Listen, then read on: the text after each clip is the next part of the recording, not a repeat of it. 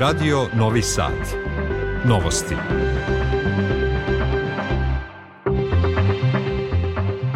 Dobar dan, ja sam Goran Pavlović. Ja sam Nikola Rausavljević. Vesti dana. Najmanje 68 poginulih u padu putničkog aviona u Nepalu.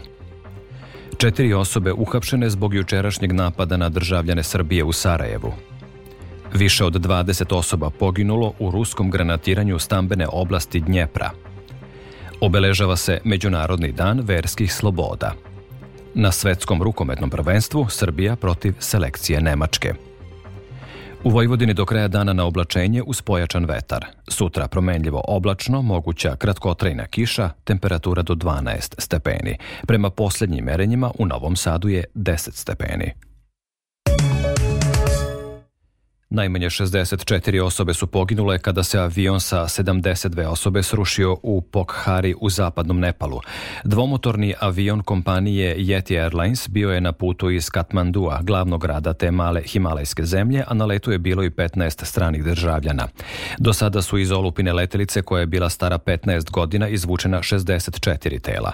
Port parol vojske Krishna Bandari rekao je da se avion razbio na komade i dodao da je ovo najgora nesreća u Nepalu Nepalu za proteklih 30 godina. Očevici kažu da se avion kretao ka klisuri reke Seti, čime je pilot izbegao veću tragediju jer je letelica mogla da padne na naselje gde se nalazi velika pijaca.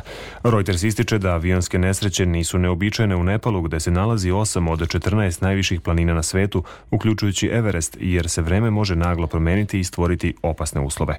Predsednik Aleksandar Vučić uputio je saučešće porodicama stradalih putnika i građanima Nepala. Sarajevska policija identifikovala je i uhapsila četiri osobe osumnjičene za sinoćni napad na grupu Beograđana u jednom hotelu na Iliđi. Oni se terete za krivično delo nasilničko ponašanje. Podsećamo nakon utakmice na Šampion Junior kupu, međunarodnom futbalskom turniru za dečake, huligani su došli do hotela gde su bili smešteni deca i roditelji i napali grupu roditelja mladih futbalera, futbalskog kluba Zvezdara iz Beograda. Jedna osoba je lakše povređena nožem. Dečija futbalska ekipa iz Splita, čiji su članovi na turniru pogrdno skandirali protiv Srba, sankcionisanja je i u buduće neće učestvovati na tom takmičenju, potvrdili su organizatori. Deca su bezbedna, policija je u hotelu, nema nikakve tenzije, nastavljen je turnir. Ostaćemo da završimo turnir zbog dece, izjavio je sinoć sekretar futbolskog kluba Zvezdara Ivan Stojmirović. Gradonačelnica Sarajeva Benjamina Karić je sinoć obišla goste iz Srbije i tom prilikom rekla da je sigurno da će napadači odgovarati za učinjeno. Ministar spoljnih poslova Ivica Dačić zatražio je od nadležnih organa Bosne i Hercegovine da kazne učesnike napada na srpsku decu u Sarajevu. Napad su osudili srpski izvaničici iz Bosne i Hercegovine i Republike Srpske. Nadležni u Bosni i Hercegovini su dali garancije da će svi učesnici nereda u Sarajevu biti identifikovani i procesuirani, rekao je ambasador Srbije u toj zemlji Aleksandar Đorđević i dodao roditelji su izrazili želju da ostanu do kraja u Sarajevu, da taj turnir završe. Evo, mala pre informacija od da osam ekipa u finalu tog turnira, pet su Srbije. Određena deca su otišla za Srbiju, određena su ostala, u toku dana će biti svi u Srbiji i ja ću detaljno znati sve onog trenutka kada oni budu završili i putili se ka Srbiji. Da napomenem da su ljudi iz kantonalne policije korektni, dali su obezbeđenje, obezbeđenje na svim putevima koje vode ka Srbiji, kad da Što se tiče toga, deca su bezbedna, roditelji su bezbedni, a događaj očekujemo od prilog od strane nadležnih organa.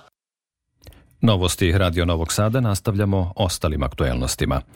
Predsednik Aleksandar Vučić sastao se u Beogradu i sa ministrom za spoljne poslove i međunarodnu saradnju Ujedinjenih Arapskih Emirata, šejkom Abdulahom bin Zaedom Al Nahjanom.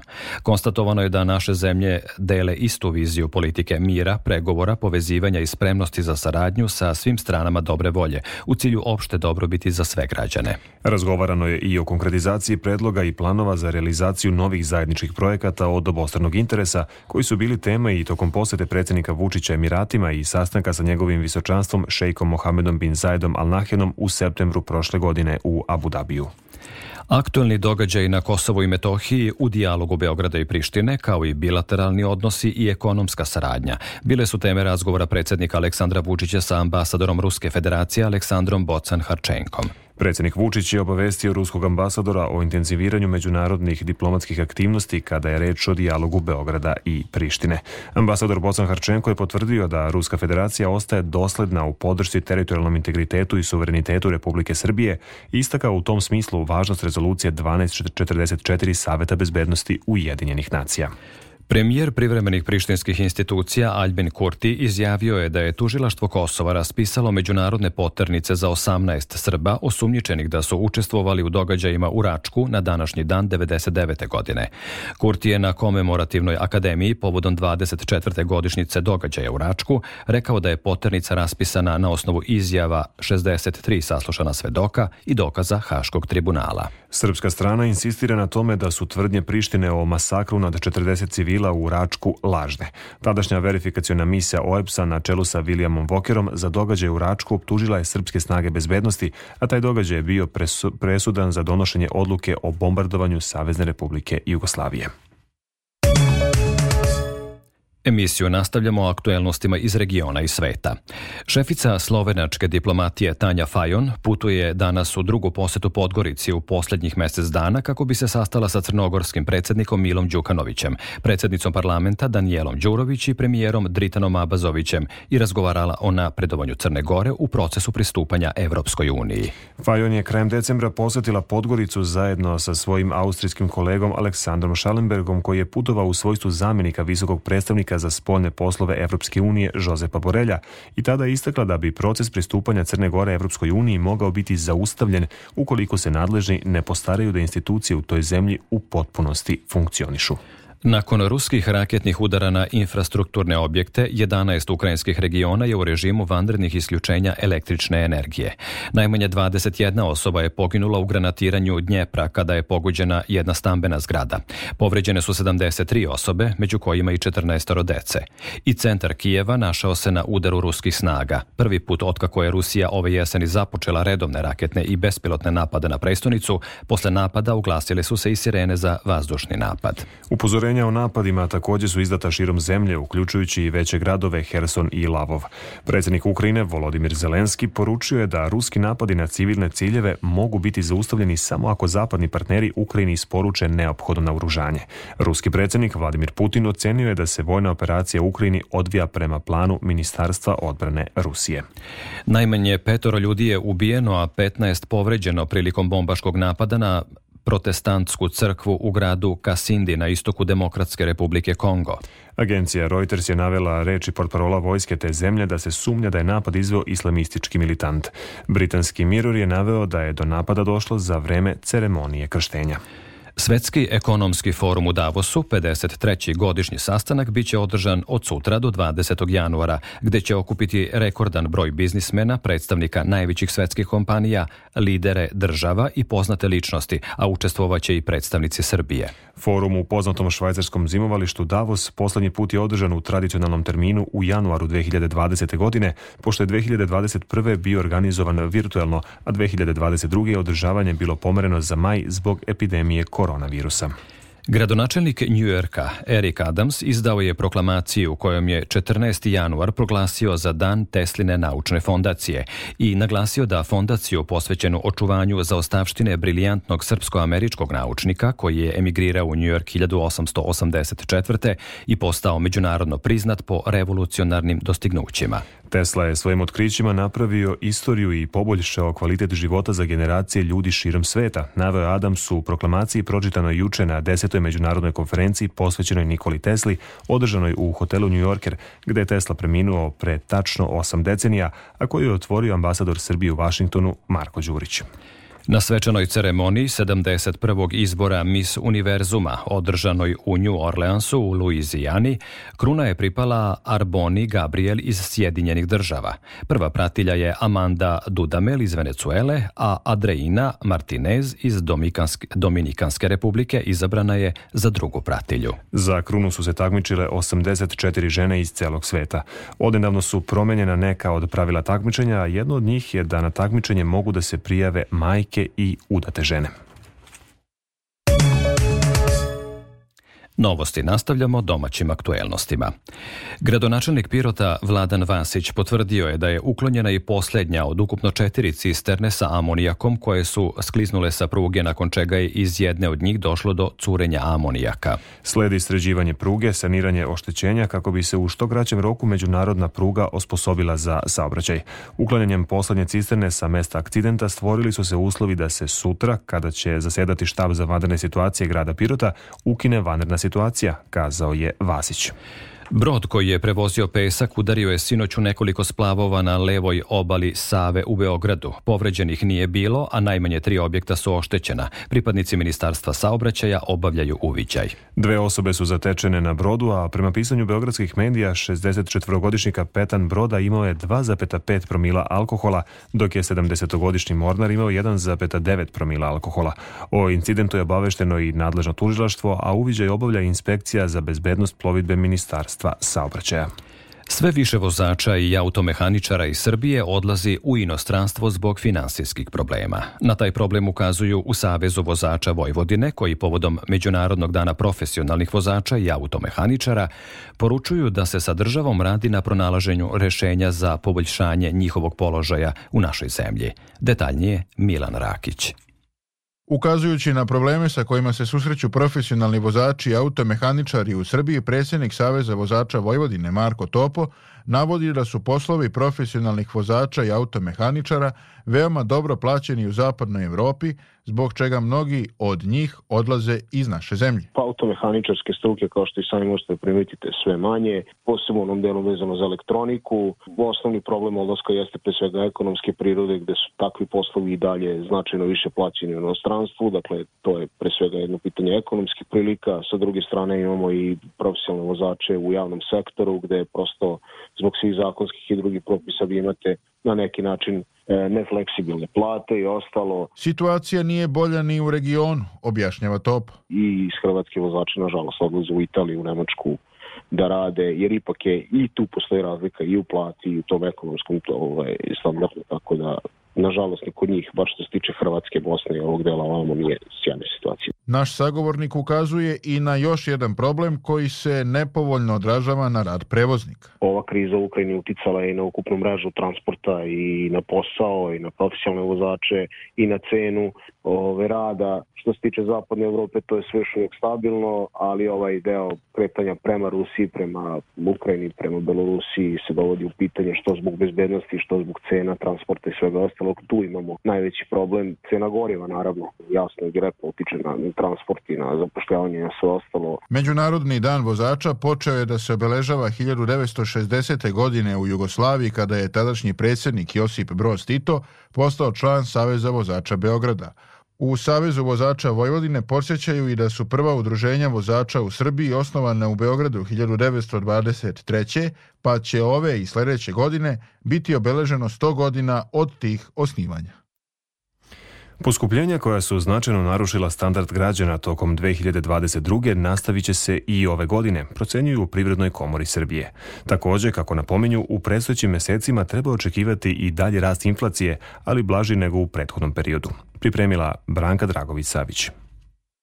Prosečna stopa inflacije u 2022. godini bila je oko 12%, dok je novembarska iznosila 15,1%, a u prvim mesecima ove godine može se očekivati dalji rast inflacije koja ipak ne bi trebalo da pređe 16%, kaže direktor sektora za strateške analize u Privrednoj komori Bojan Stanić i da bi to bio jedan vrh posle čega bi krenula ta stopa inflacije da osporava i na to nam ukazuje situacija kakva je u Nemačkoj, kakva je u Evropskoj uniji uopšte i u Sjedinim državama. Međutim, ono što je činjenica i u 2023. godini će ostati relativno visoka stopa inflacije prosečna godišnja, procenuje se na između 8 i 10 procenata da bude. To znači da će cene nastaviti da rastu, ali po nižem intenzitetu nego što je bio u 2022.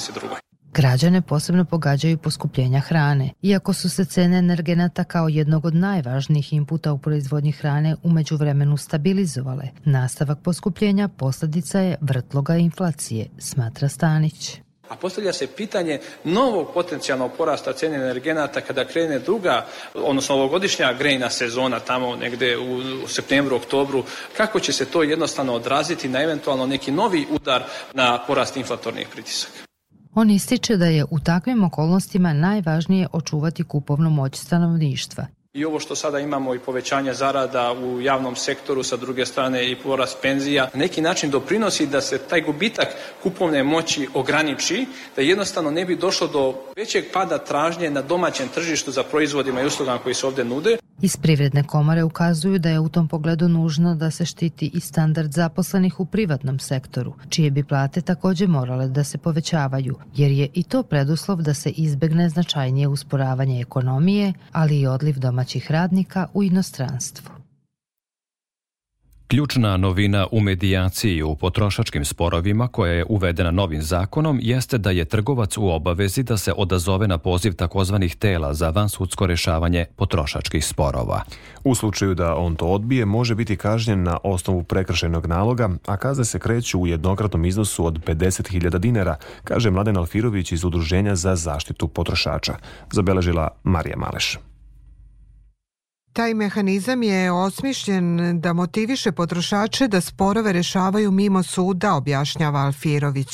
Neki mehanizmi i instrumenti koje zakonodavac osmislio na način da pronađu obostrano prihvatljivo rešenje i da se uštedi i vreme i novac i da se zapravo smanji broj e, sudskih postupaka koji su za potrošačke sporove za koje možemo reći da su sporovi zaista male vrednosti, potpuno nesvrsishodno da se oni rešavaju putem suda. Da bi taj postupak bio pokrenut, neophodno je da bude bude uložena reklamacija trgovcu i da je dobijen negativan odgovor, kaže naš sagovornik i savetuje potrošačima da u tom slučaju prvo kontaktiraju Udruženje za zaštitu potrošača da mi proučimo ceo taj slučaj, da pregledamo dokumentaciju i da vidimo da li uopšte ima osnova za bilo kakav dalji postupak. Jer nije svaka odbijena reklamacija sama po sebi razlog da se ide dalje. Dakle, ima tu još nekih elemenata koje treba utvrditi jer tu će najbolje znati pravnici. Ako se proceni da treba ići na mehanizam van sudske meditacije, onda se podnosi zahtev u elektronskoj formi Ministarstvu trgovine na adresi vansudsko.mtt www.gov.rs. Zatim ministarstvo dodeljujemo potrošačima nekog od tela za vansudsko rešavanje potrošačkih sporova. To se može okončati u slučaju da se oni ne dogovore samom konstatacijom da nije moguće postići nekakav dogovor i onda se upućuju jedna i druga strana eventualno na sudski postupak ili se postiže takozvani sporazum. Najčešće je tu reč o zahtevima da se oštećena roba vrati i da potrošačima bude vraćen novac. Kako je nedavno najavljeno iz resornog ministarstva, sredinom ove godine biće usvojen zakon prema kojem će porodiljsko odsustvo za prvo dete sa 12 biti produženo na 15 meseci, a za drugo sa 15 na 18 meseci. O tome da li će ta mera budućim mamama olakšati povratak na posao i šta je još potrebno promeniti kako bi im roditeljstvo bilo lakše, Milijana Kočić. Najavljeni zakon kojim se porodiljsko odsustvo produžava za još tri meseca mamama daje priliku da se pripreme za radne obaveze, a njihovim bebama da dovoljno sazru za polazak u vrtić. Međutim, čak i sa produženjem odsustva, majke su često u neprilici jer se početak rada ne poklapa s početkom vrtića, objašnjava urednica roditeljskog portala Bebac, psihološkinja Jasmina Mihnjak. Prvo, svaka mama zna koliko je teško vratiti se na posao nakon tih eh, godinu dana najranijeg i najosjetljivijeg perioda sa životom eh, bebe, E, a onda kada treba da se vrate na posao, tu nastaju brojni problemi. Ukoliko mama treba da se vrati na posao, na primjer u aprilu mesecu, a dete kreće u vrtić tek od septembra. Naša sagovornica ocenjuje da bi upravo zbog toga trebalo praviti fleksibilnije zakone, koji se ne odnose na sve mame, jer ima i onih koje bi htele da se vrate ranije na posao zbog karijere, nedostatka novca ili su preduzetnice pa ne mogu da dopuste sebi luksus tako dugog odsustva.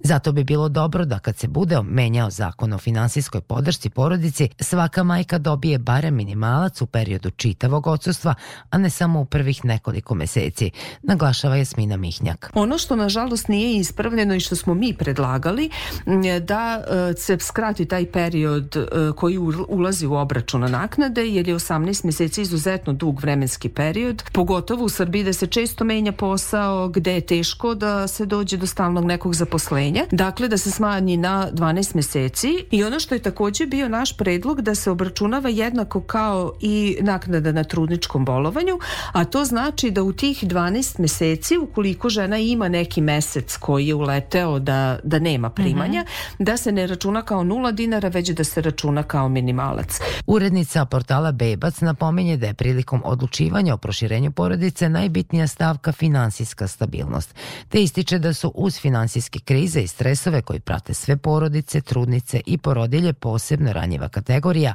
kojoj treba posvetiti više pažnje. Ministarstvo za ljudska i manjinska prava podsjetilo je da se danas obeležava Međunarodni dan verskih sloboda, koji je ustanovljen sa ciljem da se podrži duh jedinstva, tolerancije i uvažavanja svojstvenosti među pripadnicima različitih veroispovesti. Međunarodni dan verskih sloboda nastoji da promoviše kulturu različitosti uz poziv da se svi prisutni načini izražavanja duhovnosti u datom društvu ispoljavaju u harmoniji. Ministarstvo naglašava da Ustav Republike Srbije garantuje slobodu izražavanja vere ili verskih verskih uverenja svojim građanima, te podsjeća da je diskriminacija po osnovu veroispovesti zabranjena Ustavom i zakonom. Iz sporta za novosti ukratko izdvajamo. Drugi meč u okviru grupe E na svetskom rukometnom prvenstvu reprezentacija Srbije igra protiv selekcije Nemačke od 18 časova. Košarkaši Crvene zvezde od 19.30 gostuju u budućnosti utakmici 15. kola ABA lige.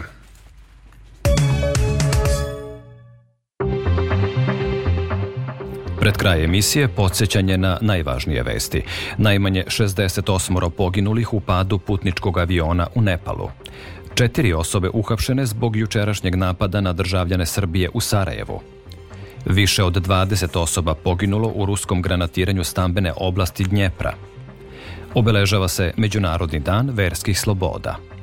Na svetskom rukometnom prvenstvu Srbija protiv selekcije Nemačke.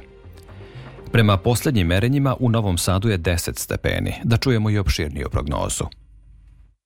U Vojvodini u ponedeljak topli od proseka i vetrovito uz promeljivo oblačo sa malo sunčanih intervala. Moguće je kratkotrna kiša, posebno u toku popodneva i večeri. Oblaci se brzo premeštaju od jugozapada i zapada na istok. Vetar umbran jugoistočni u južnom banatu pojačan. Minimalna jutarnja temperatura od 1 do 5, a maksimala od 9 do 12 stepeni. U Srbiji utrak toplo za ovo doba godine uz umeren do pojačan južni vetar. Do petka vrlo toplo za ovo doba godine uz umeren do pojačan južnjigo-istočni vetar i povremena oblačenja sa prolaznom kišom. U petak i za vikend zahlađenje. Za Radio Novi Sad, Žika Pavlović, Meteos. Slušali ste novosti prvog programa radija Radio Televizije Vojvodine. Sve vesti iz zemlje i sveta možete pronaći na našoj internet stranici rtv.rs gde ovu emisiju možete slušati odloženo. Novosti tonski realizovao Nena Crtenović. Pred mikrofonom bili urednik Goran Pavlović i Nikola Rausavljević. U nastavku programa sledi Sport i razonoda. Hvala na pažnji.